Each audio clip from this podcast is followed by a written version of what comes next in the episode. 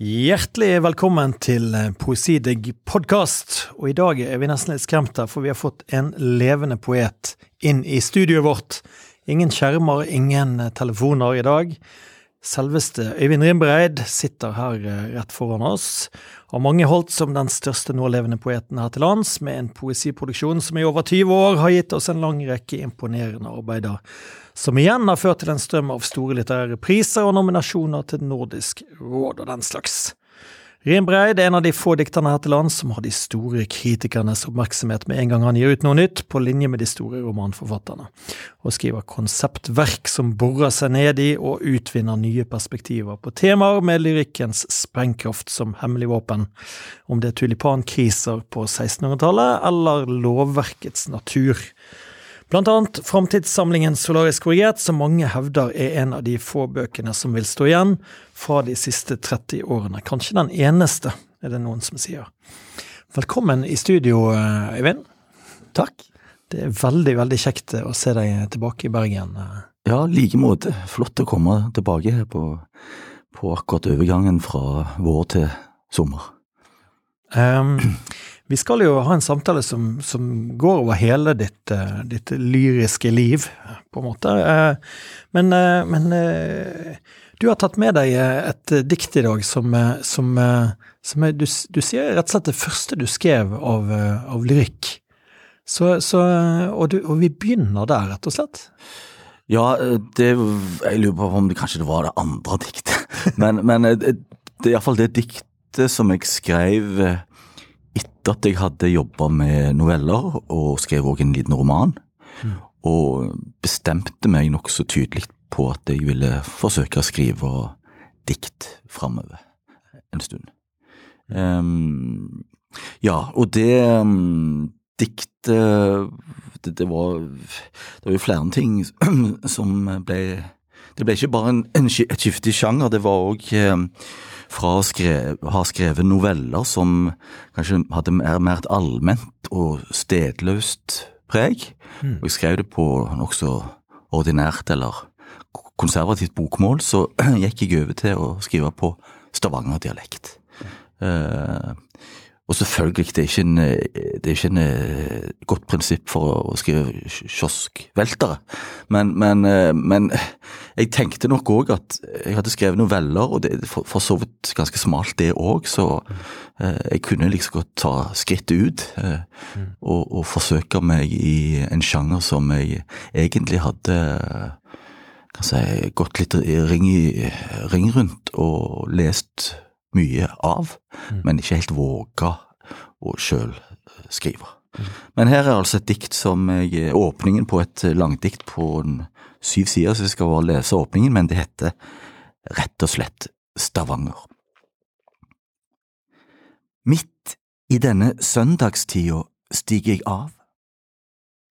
Bussen med unger, ungdom på vei, filmen av Steven Spielberg, alt forsvunnet lenger inn i hvitt, gule trehus, små hager, plenene grønne.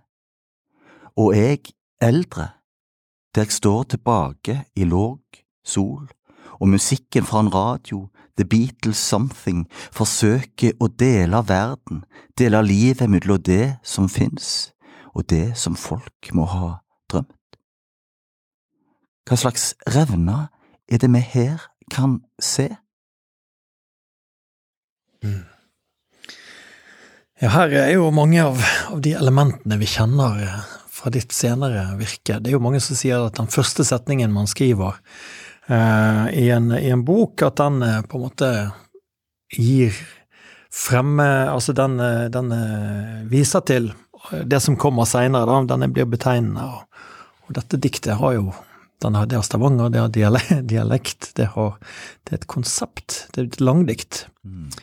Eh, men, men, eh, men, når vi møtes der, da altså Du er jo min gamle lærer på Skrivekunstakademiet, og, og, og da, da, da, da, husker jeg det. Du var rett og slett eh, Jeg lurer på om du var novellelærer eller mm, romanlærer. Ja, no, no, en, en, dårlig lærer, da. Eller det, det blir jo dikter, ja. så jeg, valgte ikke den sjangeren. Men, men, men, hva er det som hva er det som tiltrekker altså For det at én ting er også Det er mange som går over til dikt, og så skriver de en diktsamling, og så forsvinner det igjen. Ja, går tilbake i tre. Og det er ingen jeg avskyr mer enn de som kommer på besøk inn i, inn i redet vårt og, og drar igjen. Det, det, men du har blitt, og du har eh, rett og slett holdt deg der, mer eller mindre siden. Og hva er det, hva er det som gjør Altså, du kunne jo, du kunne jo altså, de temaene du berører, du kunne jo skrevet essays mm. om det. Det, det. det, ville vært egnet stoff. Mm. Du, du, kunne, du, kunne, skrevet romaner om, om Leni og denne, dette callsenteret og mm. elektrikeren. Og, og det, er jo, det, er jo, en rammer her som ligner romanens. Mm. Men hva er det som gjør at du velger poesien, Øyvind? Eh, nok litt flere grunner. Jeg følte nok at jeg hadde malt meg sjøl opp i et litt hjørne med novellene. At det ble på en måte en slags sånn små maskiner. Eh, og så kan en òg si at det er noe felles mellom novellen og eh, diktet. At, eh, at novellen òg har et sånn klart preg av å være stemt, da. Mm. Og gjerne om eh, et sånt punkt, et møte, eller eh, at en ikke har den utstrakte bevegelsen som romanen har, da.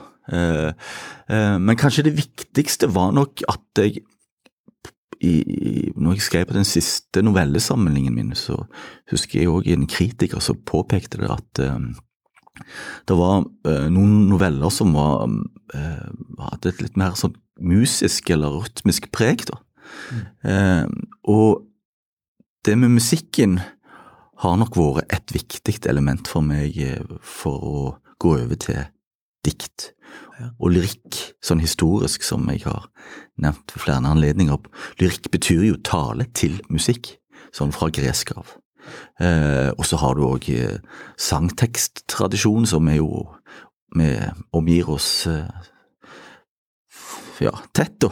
Mm. Eh, og, og, og, så er det òg sånn at det musiske, hvis jeg skulle bare ta det, ja, ja. Eh, så er det jo sånn òg at Det, det sier òg han den gamle versteoretikeren Halvard Lie, da, at et dikt som skal kan si um, være i det musiske, trenger òg en viss lengde. Mm. For at det skal bli eh, For at rytmen, for at fraseringene skal komme til uttrykk. Eh, så det var nok kanskje òg en grunn til at diktene mine ble eh, allerede i begynnelsen mer enn sånn halv side. Eh, og så er det andre mm. grunner. Altså, jeg så for eksempel hos en skotsk poet som har betydd mye for meg, Tom Leonard, som òg skrev en del dikt som var litt sånn halvlange.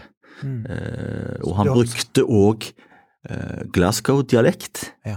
Uh, og da tenkte jeg liksom, kan vi prøve Stavanger-dialekten? Og i dialekten òg så er det jo faktisk òg et, et, musisk element. Uh, ja, det var det jeg hadde tenkt å spørre. Det er ja. ikke tilfeldig at du, at du, velger da din egen en, en, tung, Ja, det er nærmere. Ja. Og så er det jo òg um, Det er noe med Altså, skriftspråket er nok kanskje mer lagt for øya, bokmålet. Eh, det har fine klanger og mm. flott å lese bokmål òg, bare så det er sagt. Men, eh, men, eh, i dialekten så er en jo nærmere det muntlige, ikke sant? Mm. Og det er helt klart at en del av disse lengre diktene mine har et sterkere, kanskje sterkere muntlig åre.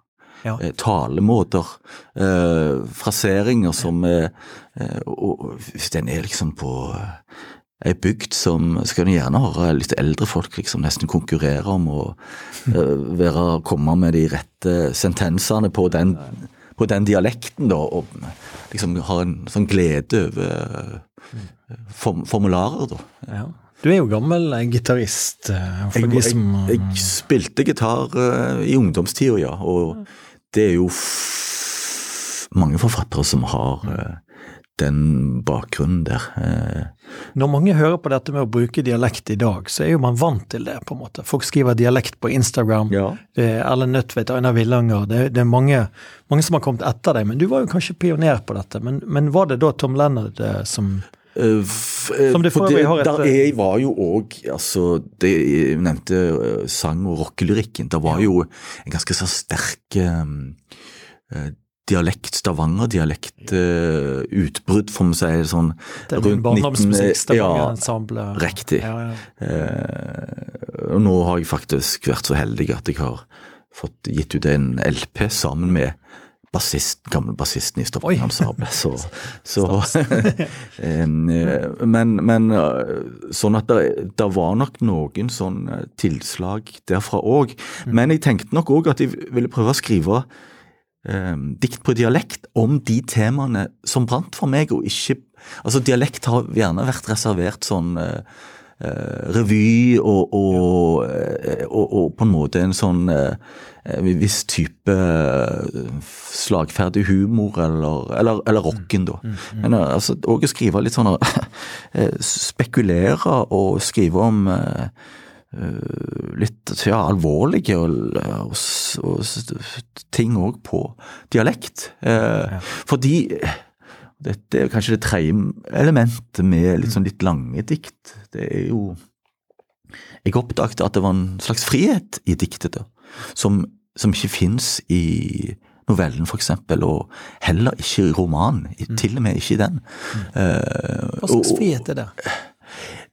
jeg tror det begynner nesten helt på sånn lokalt plan, altså at eh, diktet er den sjangeren som tåler det mest ekstreme språket. Altså, det, du kan bøye og vri det og sette inn metaforer eh, eh, som jeg ser ikke kjenner fra surrealismen og, og dadaismen, og, og, og, eh, det tåler ikke en roman. Ja. Eh, Da knekker han sammen. Men diktet har puls, luft, eh, eh, og, og er gjerne snitta til på et vis sånn at eh, sjøl vanskelige bilder, eller kompliserte eller krevende bilder, får et løft og kan bære. Eh, jeg, en, det er helt umulig å tenke f.eks. en, en, en, en nokså krevende forfatter som Pål Sæland, at han skulle skrevet en roman på, med det uttrykket han har. Eh, men i diktet går det. Eh, eh, sånn at det, er det er nok en, en frihetsfølelse som jeg har opplevd med diktet, at jeg òg kan skrive dikt på mange ulike måter. Ja, ja, ja. Eh, i, denne, i, I begynnelsen av ditt forfatterskap, vi, vi debuterer for øvrig samtidig som, som poeter i år 2000, så kommer det altså to bøker nesten samtidig. Altså det er ett år mellom de. Mm, Seine topografier og, og trådreiser. mm, Og de er på nesten Allerede der aner vi dette med, med konseptsamlingen din. eller Dette det langdiktet. Altså det, det, det er noe som sirkles inn i hver bok. mm. Og der, der Kan du si litt om den dualiteten mellom de? For det er jo, det er jo en ganske tydelig som handler om sted. Ja. Eh, jeg hadde nok et veldig behov for eh, å skrive en diktsamling nokså raskt. For jeg merket at det, her er det en plass jeg vil være. Eh, og på en måte for å liksom altså, sikre til min egen tilstedeværelse i, i, i diktet, så eh, Og jeg, jeg, jeg oppdaget at dette var et helt nytt og et, eh, et, et, eh, en sjanger som ga meg mye glede. Eh, Sånn at jeg Jeg husker ikke helt hvordan det var, men da ble det jo at jeg skrev det Altså, det var jo så mange reisebøker og reiseromaner, eh, eller romanaktige reisebøker på den tida der, så jeg tenkte kanskje jeg skal lage et reisedikt. Så da eh, gjorde jeg det nokså bevisst. Jeg tok blant annet og hadde meg en eh, lengre tur til Nordvest-Russland. Eh, og dette var jo ikke så fryktelig lenge etter Ja, ja, ti år etter murens fall, men det hadde vært eh, veldig vanskelig til Russland. Eh, og var det fortsatt på den tida. Og jeg fikk, hadde noen kontakter som brakte meg òg i nær kontakt med vanlige folk og deres liv. Sånn at det var òg en måte å hente inn stoff på. Eh, jeg, jeg har jeg av og til pleid å si at jeg liksom deler eh, stoffet mitt i to, da. Altså, du kan si passiv eh, erfaring, eller passivt stoff, det er det jeg har med meg fra, fra oppveksten, hvem jeg er som personligheten min, eh, liksom hva, hvordan jeg tenker, hvordan jeg skriver. Og, men så har du òg det jeg vil kalle for aktivt stoff, eller aktiv erfaring. Det er altså en kan faktisk velge å Nå, nå, nå drar jeg til du- eh, nå, nå- ja, nå drar jeg til Nordvest-Russland eller til Skottland. eh, eh, Eller setter meg inn i et emne. Ja. For eksempel eh, finansspekulasjon. Eh, for jeg tenker, er klart det var jo en sterk generasjon før meg der med en eh, Ole Robert Sunde og eh, Jon Fosse som har en sånn umiskjennelig stil, da. Og, som på en måte var vel, har vært veldig insisterende på å ha sin egen stemme. For meg har det nok vært litt sånn at jeg, ja, jeg har jo den stemmen uansett. Så jeg kan eh, For meg har det vært òg et spørsmål om å på en måte hente opp klanger og, og, og, og, ja, dikte meg inn i erfaringer som ikke nødvendigvis er helt mine egne, men, eh, men saker som jeg har sett rundt meg Ja. og, lurt på hvordan det ville være, for eksempel hvordan- det er å være en hest. ja, som du gjør i da. Ja, eh, eh, og så er det òg at du kan ta at ditt eget språk, og den, den kan ta litt smitte av av andre eh, av andres type stemmer. Ikke sant? Eh, Jeg er helt sikker på at det Stavanger-diktet har noen sånne uttrykk som er kollektive. Ikke sant? Og, og vi som individer er jo ikke bare eh, senka ned i et badekar med 37,5 grad. Vi er, er jo òg en del av noe. Det som former oss og produserer oss, er jo òg eh, familien, vennene, stedene vi er fra eller har flytta mellom. Eh, så, så det er en del av det som er òg på en måte litt innerst. Ja. Eh, eller gjennomskjærer oss, da. Og, og, og de krysningspunktene har jeg vilt være i. Eh, som jeg òg skriver i dette åpningsdiktet, altså midt i denne søndagstida stiger jeg av, altså. Eh, og prøver å se hva som er rundt eh, i, i Stavanger i, en søndag midt i påsken. Ja. Det er et interessant skille der. Eh, Føler du at det er noen bevegelse på hvor mye disse to delene er vektlagt? Altså Det er jo anmeldere på din siste bok, da, 'Hvit hare, grå hare, svart', som sier at her er Rimbeid på sitt mest personlige. Her, her er han nært sitt eget liv, eh, mer enn han har vært før, og, og den type ting. Eh, Føler du at det er noen Altså at du gjennom disse 21 årene har beveget deg noen retning på det, eller er det Eh, Nei, det er i den øh, første diktsamlingen min, Seine topografier, så er det òg et par personlige dikt. Så jeg har nok eh, Jeg har nok pendla øh, mellom liksom litt ulike erfaringshorisonter. Eh, og sånn har det på en måte blitt. Men, men må du ut og hente altså, er det, er det diktene dine, kan det beskrives som en reaksjon på noe? Altså at du, du får drivkraft til å skrive når du reagerer på noe? Altså du sier du velger et tema, du, du går ut og henter. Altså er det, er det aktive stoffet en igangsetter av det, av det, det, det passive, på en måte? Altså, er det det som er en, mø en møteplass, vil jeg si, faktisk. Ja. Eh, at diktet er en møteplass for ulike erfaringer eh, i, i, i, i tilværelsen min. Eh, al- altså enten de er frivillige, eller som sagt, at, eller at de er tilegnet. Eller tredje, rett og slett, at det er oppdrags.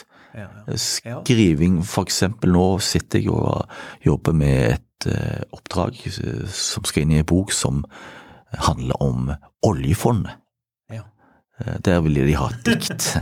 Så, og da blir jeg Du kan si at Nei, det, det, det lukter kanskje ikke så veldig poesi av det emnet der, men jeg blir på en måte dytta i en litt annen retning, og plutselig så oppdager jeg at jo, det er faktisk veldig mye poesi i, i, i eh, tanken om eh, oljefondet. Altså, det er jo en, nærmest en eh, utopisk tanke òg, da. Jeg skal ikke, eller liksom, jeg har, jeg har nok av komplimenter på, i forhold til det du holder på med, men jeg må jo virkelig si at du har en evne til å få liv i ting som er i utgangspunktet Hvis det kommer en ny bok av, av Wimbreit, så ser jeg og nå skal han skrive om, om, om blomster, så tenker jeg ah, ok, jeg står, jeg står over. Jeg er ikke interessert i blomster, men det, men det er jo det er, det er, Du greier jo på en eller annen måte å få få frem eh, både, både sånne sosiopolitiske ting som kan være interessant, men også, mm. men også poesiens Ja. Poesiens ild, holdt jeg på å si. Så så, så jo nok at andre òg Altså, klart det er langdikt. Det har jo vært en tradisjon der òg, altså. Mm. Selv om kanskje Petter Dass ikke akkurat Eh, min nærmeste påvirkning, så altså Nordlands trompet eh, drev jeg og leste litt når jeg jobba med den første eh, boka. Men så har du òg andre poeter, sånn tyskeren Heiner Müller, som mest er kjent for sin dramatikk, da, men jeg syns han er en fabelaktig poet. Mm. Eh, og han kan òg skrive litt sånn lange dikt. Og du har òg svensken Gøran Sonnevi, som mm Eh, er òg en poet som jeg ikke eh, skammer meg over å si at eh, er òg en som nok har påvirka meg. Altså, vi, mm. vi påvirker uansett, tenker jeg. og en skal være påvirka, men så må det filtreres gjennom, kanskje Altså filtreres sånn, sånn at det blir noe annet og blir ditt eget. Mm. Jeg lurer på, Øyvind, om du har lyst til å ha en ny eh, miniopplesning eh, nå, hvis det passer? Ja. Jeg kunne, skulle kanskje lest litt grann fra um, Jimmen. Ja. Um, da kan jeg Altså, det er jo en, et, et langdikt, dette her, som handler om en kjørekar eller hesteeier som altså, kjører hesten Jimmen rundt i Stavanger midt på 70-tallet, og de eh, samler inn matavfall. Sudrer, som jeg kalte det. Eh, og, og, så det, og, så er det jo òg midt i den brennende oljetida. Mm. Så jeg har jo tenkt at dette er på en måte en uh, jeg, jeg, jeg, har skrevet en bok om uh, hvor jeg er dikter meg inn i det, det, det tapernes parti, da. Altså, hesten er jo dag eh, nærmest bare et eh, musealt dyr eller et besøksdyr. Altså mm. barnehager og ja. Det er jo ikke et bruksdyr lenger. Ja, Voldelige barn får lov til å gi på hester. Ja, ja. Men, eh, men anyway, her skal jeg lese litt grann Sånn som jeg tenkte at uh, en, kanskje en hest uh, kunne ha snakka hvis han gjorde det, da. Høyrer eg no gode Herren koma nedåt sti, og burtåt stallen min heimars. Han mun åpna vegger tvo, og ljoset skal då rida stort, med taumar gull og munnbett sylver. Skal eg då ved stauren stanna, og stanna der til Herren mi si tunne og i frakk og byrtåt stauren koma. Eg då hovud lågt eg held, og auget mitt eg held da nedåt augo Hornums, og prustar innåt Hornums prust, og Herren min han prustar òg, så innom prust han helsar meg. Er da eg og tauma två og Herren og tri med vogn, så ut og veggen med og ganga kan. Jeg kan jo kanskje lese litt òg fra kjørekaren, da. Ja, vi får høre hva han Hvordan det er å kjøre Jimmen, da. Å skritte jevnt gjennom gatene, ikke dra på. Å holde taumene så løst at du kan ha et egg i hånda. Aldri en eneste vridde reim og la bittet styre som om det var ei hånd som drog Jimmen framover. Aldri sett kaldt bitt rett. Og ta ørlite inn på taumene når en bil kommer, for at Jimmen skal merke at du er der. Aldri annet enn mørkefrakk. Å være kjørekaren Jimmen bare merker som en sval bris, sånn at når det er stans i en bakke, nedover eller oppover, så trengs ingen brems, men bare Jimmen som står der når jeg forsvinner bak en hekk og ned ei kjellertrapp, til spanna med sydra jeg henter, uten at jeg tenker på annet enn spann, og Jimmen finnes ikke lenger, før jeg igjen er oppe og gjennom hekken kan skimte at han står der med vogna, og at han holder fast, holder fast. Tusen takk, Øyvind. Eh, det, du leste der fra min favorittbok av, av, deg. Hvis det var noen som så meg sitte og felle en tåre på uteserveringen på Corner Teater i helgen, så var det fordi at jeg satt med, med Jimmen og, og, leste den om igjen for, som forberedelse. Og det, det, er kanskje fordi jeg kommer fra en hestefamilie sjøl, ja. rett og slett. Men, og min far eh, kjørte, kjørte hest. Oh. Så, men, eh, så det, det er men når du sitter og jobber med en bok som Jimmen, da, eh, som, som, har et tydelig grep altså Det er jo to veldig forskjellige stemmer mm. i denne. Mm. Uh, og, og, også i, i, Lenis plasser er det også et kor som har en helt, en helt annen stemme enn mm. en, en hovedstemmen i boken. Og, hvordan, hvordan altså kommer, de, kommer, de, med en gang, eller sitter du og, og jobber frem de altså Er det mye eksperimentering? Ja. Mye ideer som, som ikke kommer gjennom? Ja, Jimmen brukte jeg eh, veldig lang tid på å finne ut hvordan jeg skulle uh, uh, få til. Jeg, skrev egentlig um, først bare på denne hesten sin stemme. Men jeg oppdaget at det fungerte ikke. Det måtte være en motstemme. En, en slags dialog. Og da var da jeg oppdaget, eller fant ut at det skulle òg være en, en, hesteeier eller en kjørekar. Mm. At jeg syns det ble på en måte den pusten og den vekslinga og en form for vekselsang mm. som gjorde at jeg kom meg videre. Eh, eh, og, og, du, du, fikk òg helt ulike perspektiver. Eh, fra Jimin sitt naive eh, og eh, maksimalt ti minutters tankesykluser mm. til, til, et menneske som har på en måte et større historisk perspektiv på, mm. på tilværelsen, selv om man eh, for så vidt bare er en kjørekar. Men vanlige folk òg er jo filosofer hvis de, ja. hvis de bare bruker språket på sånn som så språket kan brukes. Du velger jo Det er ikke det eneste stedet du velger en, en altså ikke en, altså en arbeider eh, som, mm. som, til å fortelle. Også i Lenis plasser er det en elektriker mm. i nær fremtid, vil jeg tro, mm. Eh, mm. som, som, som, du gir stemme. Mm. Men føler ikke du at det begrenser på en måte tanketilfanget, på en måte? Du har jo hvis du skal Altså, eller er det nettopp en forsterker? Altså, Jimmen, da.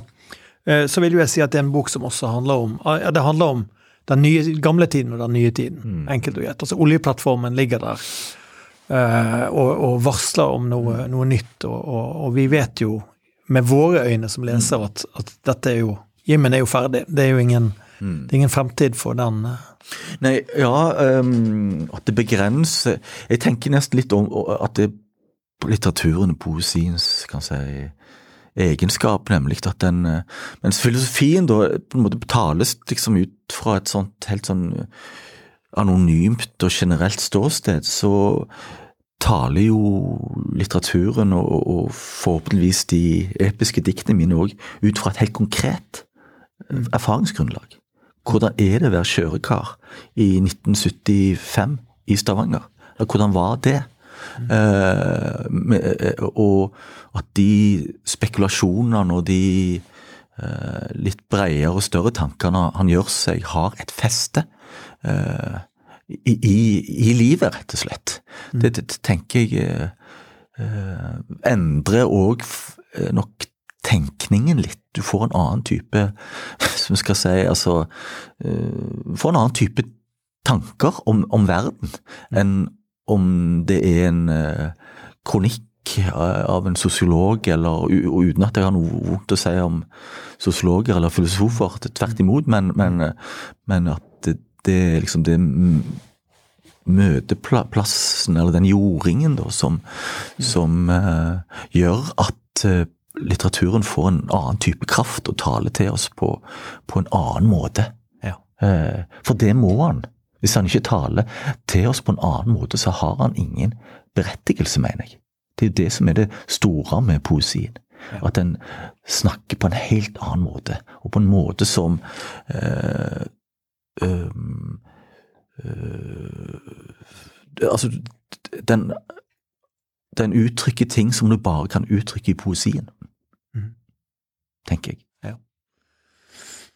Um, apropos et helt annet språk. altså etter, oss, Hvis vi går tilbake til den, eh, den kronologien i dette, da, så etter to reiser og sene topografier, så, så, eh, så, smeller jo det litt. For da, da kommer du med noe som er noe av det rareste vi har lest i diktsjangeren på norsk, vil jeg tro. Eh, for da kommer eh, Solaris korrigert.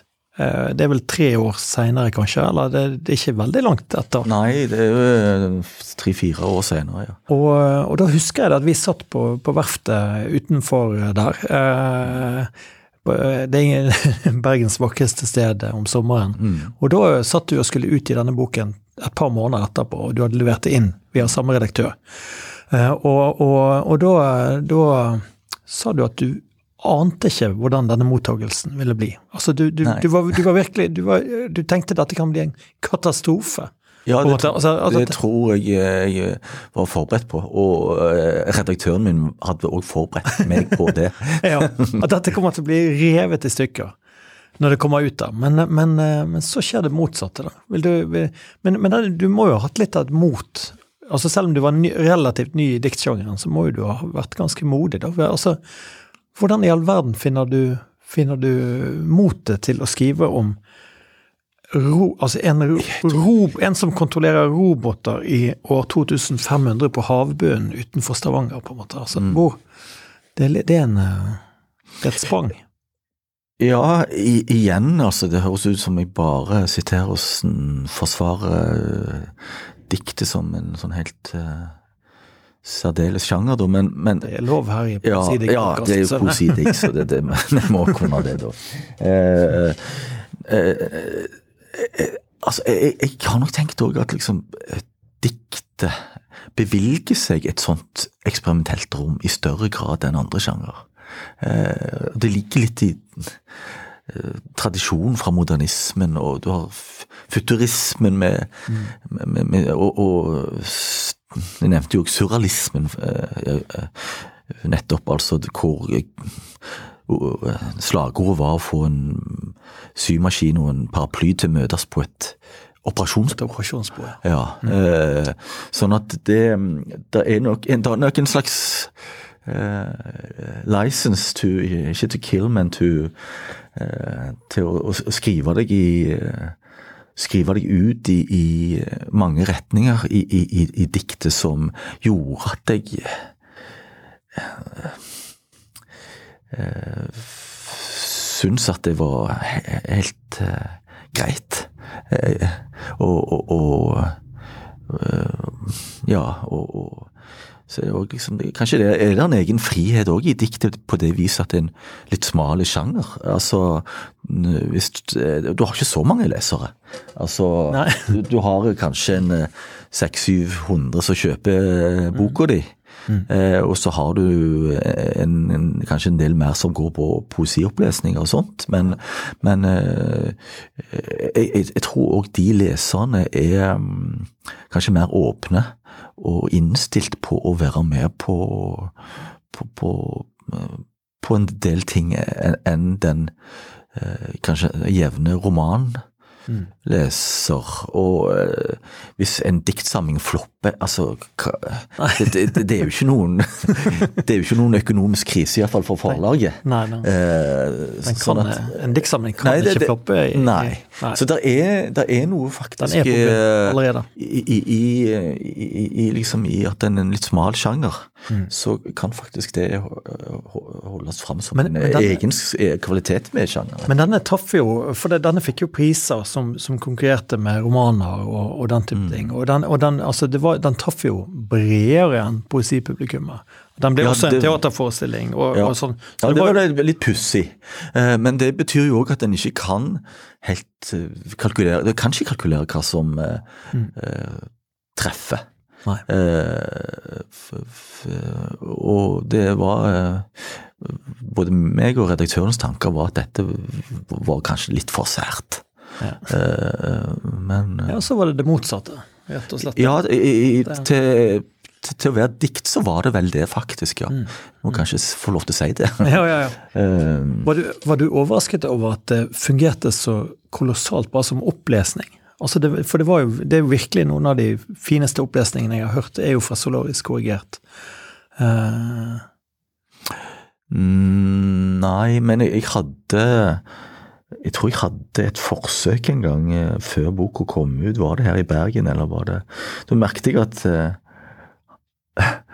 halvparten av publikum liksom eh, Eller halve diktet jeg leste, så, så eh, Så lo folk fryktelig mye, da. Mm. Men etter en stund så ble de veldig stille.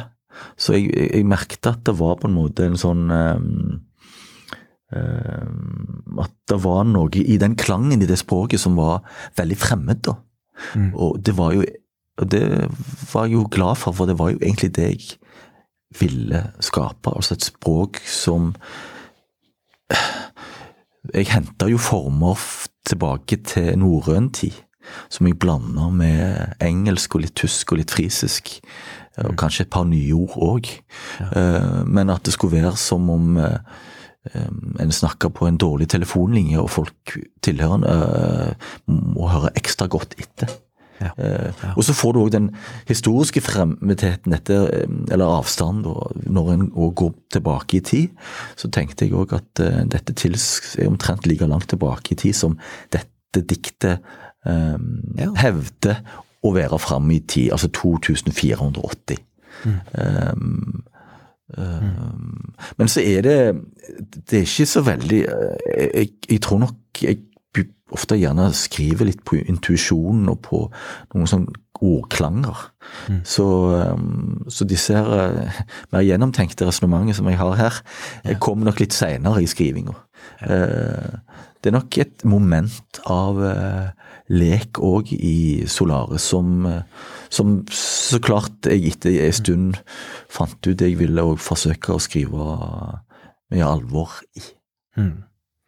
Ja, det er jo noe som jeg, som jeg, jeg syns ofte blir litt oversett i, i lesningen av ditt forfatterskap. Det er jo også den, den leken som du Som jeg syns er til stede i, i så godt som alle bøkene dine. Altså, det er jo også en, en letthet, en, en, en kvikkhet, syns jeg, i, i, i mange av vendingene. Og, og til og med tilløp til, til humor, vil jeg også påstå. Men uh... Ja, det er én plass jeg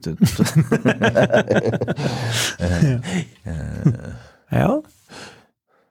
Nei, altså klart, klart det er komisk. Bare det å, å påstå at en hest snakker sånn som uh, Altså, så er det en slags komikk i, i, i det. Mm.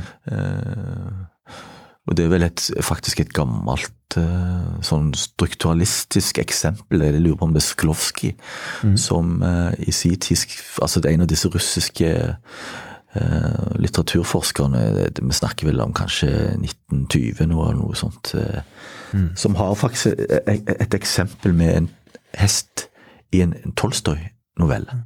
Som eh, snakket ordinært russisk, da, men at det er på en måte et sånt fremmedgjøringsgrep. ja. Eh, så, eh, så en del av de god del av de tingene som jeg for så vidt òg kan se ut som eksperimenter, er, er ting òg som er gjort før. Så jeg skal ikke eh, påstå at jeg alltid er så original, men eh, Georg Johansen hadde vel det utsagnet om at eh, bare den som siterer eh, andre, er original av og til. Eh, Nei, altså at eh, litt som jeg sa òg, dette med dialekt. Altså at en, eh, en er jo på en måte et, skriver jo et, i et reservoar, reservoar av hva andre òg har skrevet, og former. Mm. Mm. Uh, og så tar en det kanskje ut på en litt annen måte enn det er gjort før, da. Mm. Uh, Ja, men det er de beste, de beste, det. Bob Dylan var 80 år, og han er vel blitt hevdet som den største tyven i, ja, i hele ja. litteraturhistorien. Ja. Joni Mitchell var ganske fornærma på han av den grunn, så jeg for noen år siden. Ja. Georg Johannessen sa jo også jeg har kastet bort halve livet mitt på dikt. Folk så på meg som lyriker, og lyriker er idiot, mente de. Og det kan jeg i grunnen godt være enig i. Så, så han var ja, han hadde nok eh, et veldig ambivalent forhold til poesien, men ambivalensen besto jo òg i at han eh, har skrevet noen veldig sterke, flotte dikt. Og eh, alle som opplevde han når han leste dikt, forsto at dette Det var ikke bare en idiot som leste diktene.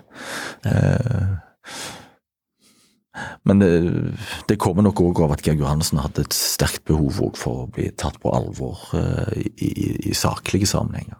Ja, ja da. Ja, nei, det. Men det er iallfall en Georg Johannessen en mann du har brukt mye tid på, vil jeg tro. Som, du var vel mer retorisk forum på jeg, jeg, og, og, klart han hadde en sterk uh, han, han, altså en sterk, sterk personlighet. Og, og Eh, påvirkningskraft, men i mitt tilfelle så og Det tror jeg sa han vel eh, til meg òg en gang. at eh, Altså, jeg, jeg, føler meg så forskjellig mm. fra Georg Johansen at det, det, skada nok ikke meg noe særlig. og han, han sa vel konkret om Solaris korrigert at det var veldig mye sorg i den boka. Og det var, ikke, det var ikke det temperamentet han hadde. Han, hadde. han tenkte mer på krig. Ja, og kamp. Han var en kriger, ja. Og, og kamp. Mm, mm. Uh, sånn uh, ja. Um, jeg syns vi skal eh, til uh, Altså, du, du, gir jo ut da, da um, Altså, Jimmen har vi vært innom, og, og, og, Herbarium det er jo også en, en, viktig bok i forfatterskapet. Det er jo her blomstene Blomstene kommer inn, og som du blander inn, inn i en finanskrise. Mm tenkning og der, og det,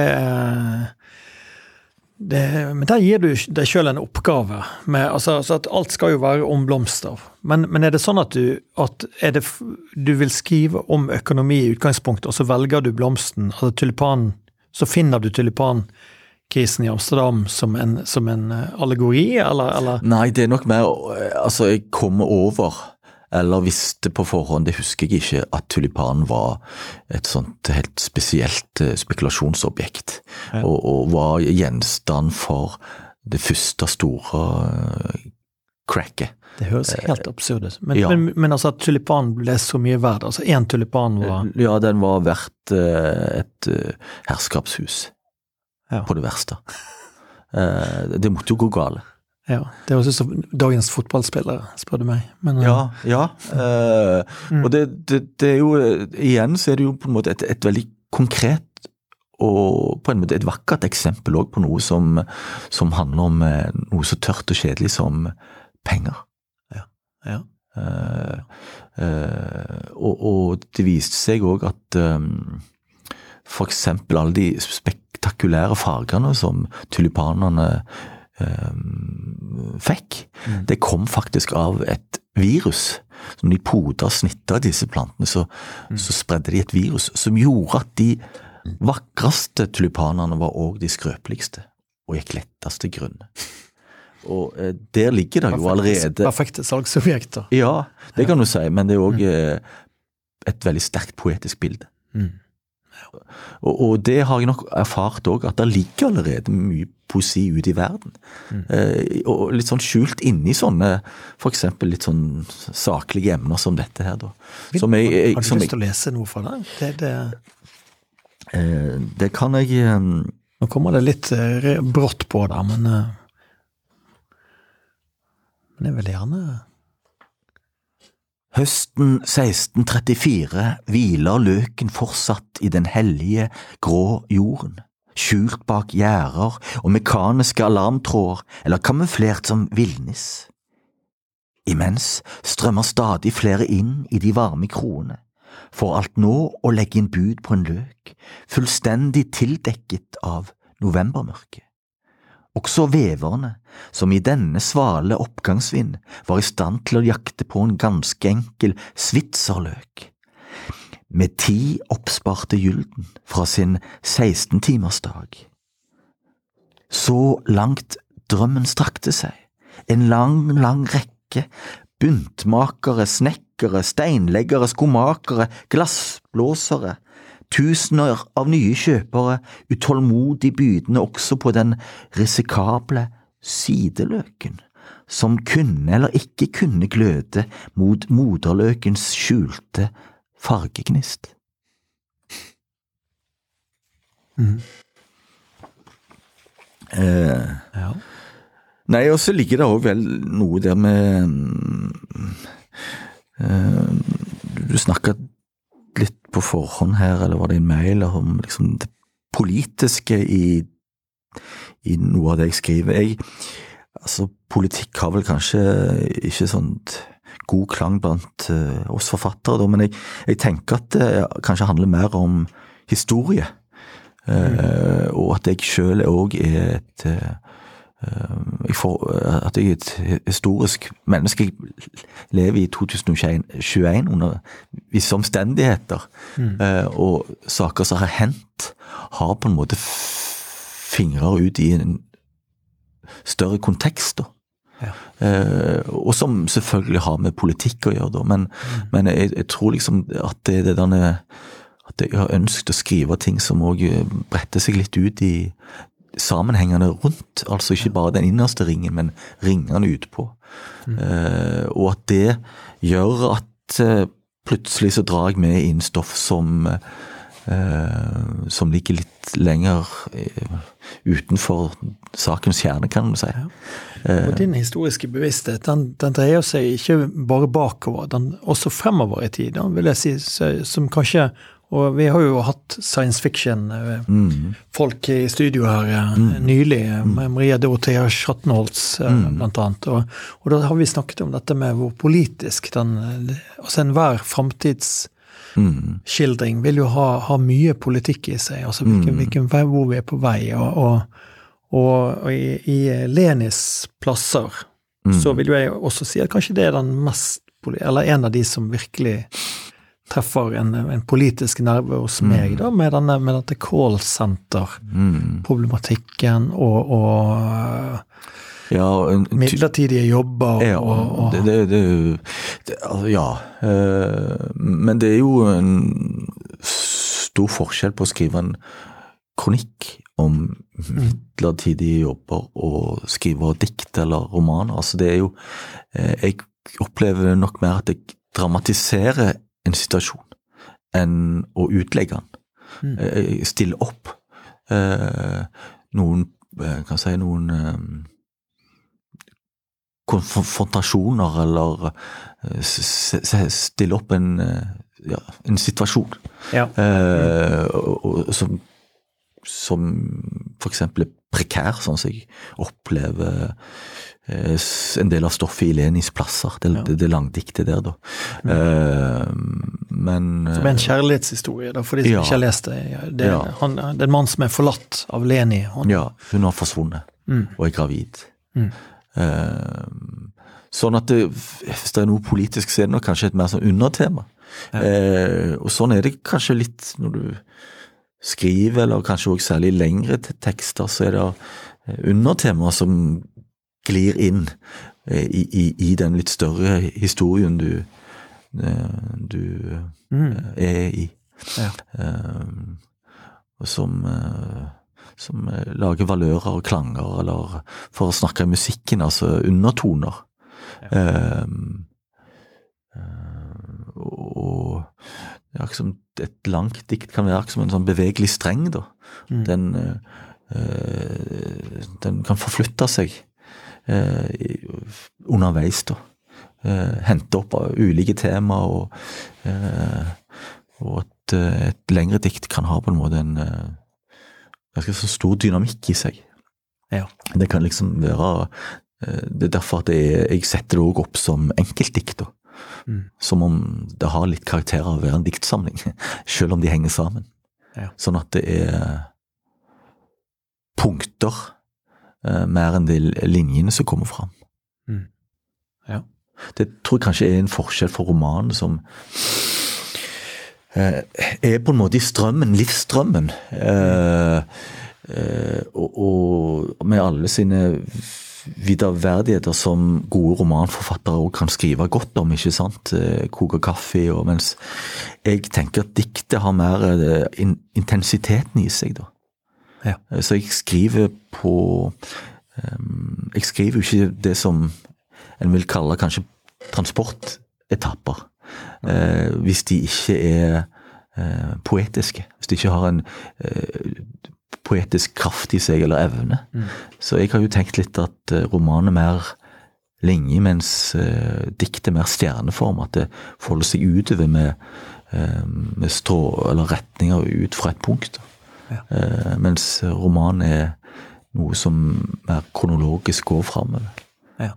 Den umiddelbarheten i diktet, hva er, det, hva er det som gjør at du altså er det, er det noe med deg som gjør at du at det er der du trives? Altså, altså er, det, er du sjøl en, en utålmodig person? Altså du vil til kjernen med en gang? Altså, kan du Ja, jeg, kjenne jeg er eh, eh, plagsomt utålmodig for, eh, for av og til for omgivelsene mine. Eh, eh, og det, den lille romanen jeg skrev en gang i 1996, den var òg episodisk. Ja. Altså, den var veldig korte kapitler. Eh, så det er en sammenheng med prosaen min der òg, altså. Eh, eh, og og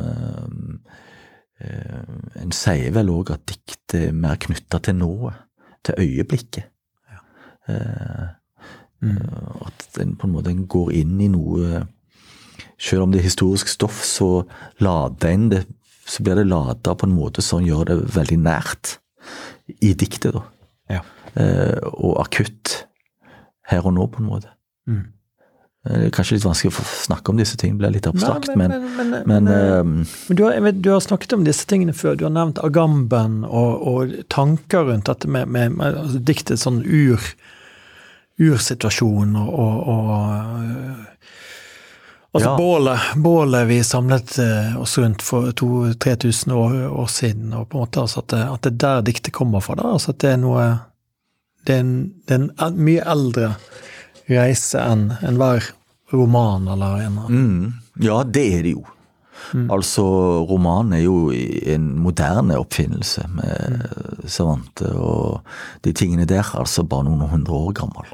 Diktet vet vi jo ikke hvor gammelt det er, men eh, gamle tyske filologer på 1800-tallet mente jo at det oppsto rundt bålet eh, altså i tidlig no, no, Kanskje noe av de første kultiverende eller kunstaktige aktivitetene som menneske Og så er jo dikt òg, som jeg har sagt ved andre anledninger, så det er jo det eh, eldste i vår personlige enkeltliv òg. Jeg tenker på at det er jo eh, veldig få barn som ikke har Eller spedbarn som ikke er blitt møtt med dikt.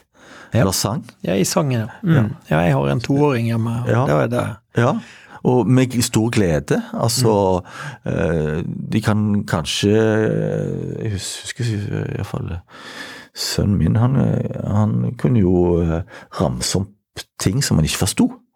eh, Fordi det var et dikt. Ja. Eh, ikke sant? Eller en regle. ja, For eksempel. Altså Eh, det var noe med bukken, bukken Bruse, eh, Ja. og så var det en eh, frase der som han eh, helt tydelig han, altså han, eh, han sa jo ikke bukken, bukken Bruse engang, han sa bikka, bikka buse, eller noe sånt. Eh, men gleden òg over det basale, altså glede, klangen i ordene. Ja, ai, ai. ai. Ja, Mm. akkurat. Ja, ja. Det er en viktig egenskap med, med diktet, og det er jo den sjangeren som viser språkets konkrete og materielle side tydeligst. Mm. Eh, og, og, og veldig sånn resolutt her og nå. Eh, så er så, så det, jeg synes det er mange gode grunner til å skrive dikt, jeg. og lese dikt òg. Eh, eh, altså, eh, Du Øyvind, vi må jo nevne din, den boken som, som, kom sist her. Hvit, håre, hvit hare, grå hare, svart. Og her er jo det ekfrasene som, som, som regjerer. Altså, du skriver til ulike kunstverk, som også jeg må si at eh, du har vært heldig til å få Gyldendal med på noen helt praktfulle gjengivelser mm.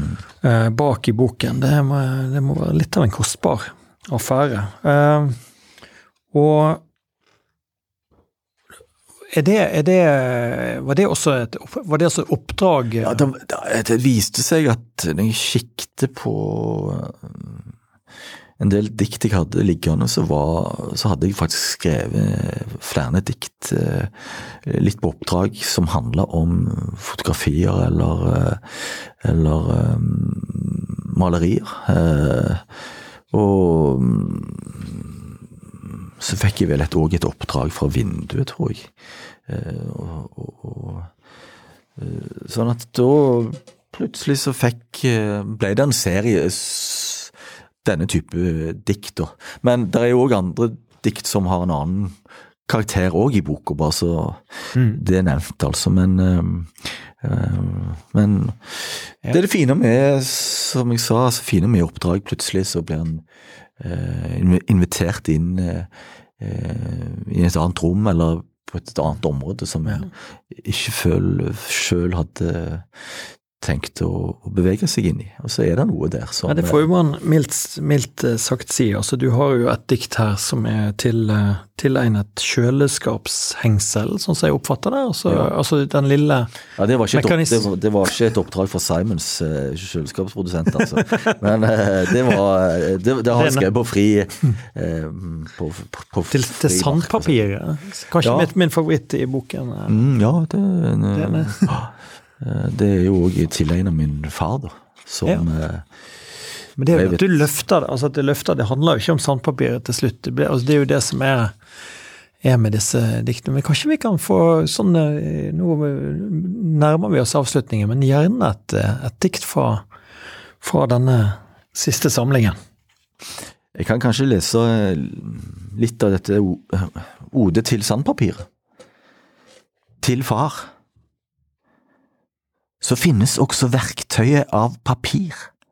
Svart, stivet papir, eller av tynt, fint papir, smergelpapir, som med lyse, rytmiske skjær forsiktig kan flytte litt på dagen.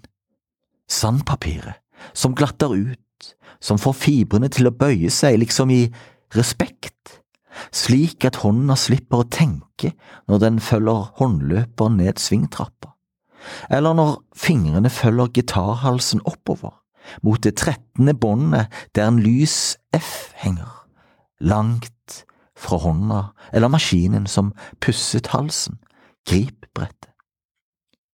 Sandpapiret har åpen eller lukket pels, alt ettersom den sliper mykt tre eller herdet stål, og når sandpapiret iblant blir brukt som rasp, får det trefibrene til å reise seg og stå som kroker og pigger før klisteret smøres på og tapetet strekkes, eller før lappen på slangen blir festet, et blinkende sykkelhjul i april.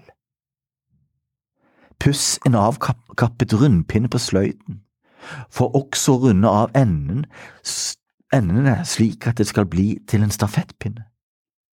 Sandpapiret spent over en trekloss eller som en hette inni hånda, sakte, helt sakte. For å lære at tiden trenger tiden. Sandpapiret et usynlig læredikt om tålmodighet. Men mest av alt er sandpapiret medisin mot tiden. Skrapen og merken i et spisebord, gafler, foldekniv, barns fortenner, en sigarettglo. Pusset møysommelig bort og et strøk halvblank lakk penslet på. Allerede to dager etter, rein duk lagt over og et glass satt fram med tusenfryd, og alt er som glemt. Det er et verdig punktum for en, for en fin time, Eivind. Tusen takk for besøket. Ja, og mange takk for, for at jeg fikk lov å komme. Ja. Det er en glede å se deg i, i byen vår igjen. Ha en eh, fin dag videre, folkens, og hør på andre podkaster her. Det, det, følger ganske mange fine diktere. Eh, Lydmannen i dag har vært Andreas Gravdal, og eh, vi har fått støtte fra Norsk kulturråd og Bergen kommune, og sikkert noen til som kommer etter hvert. Takk for oss.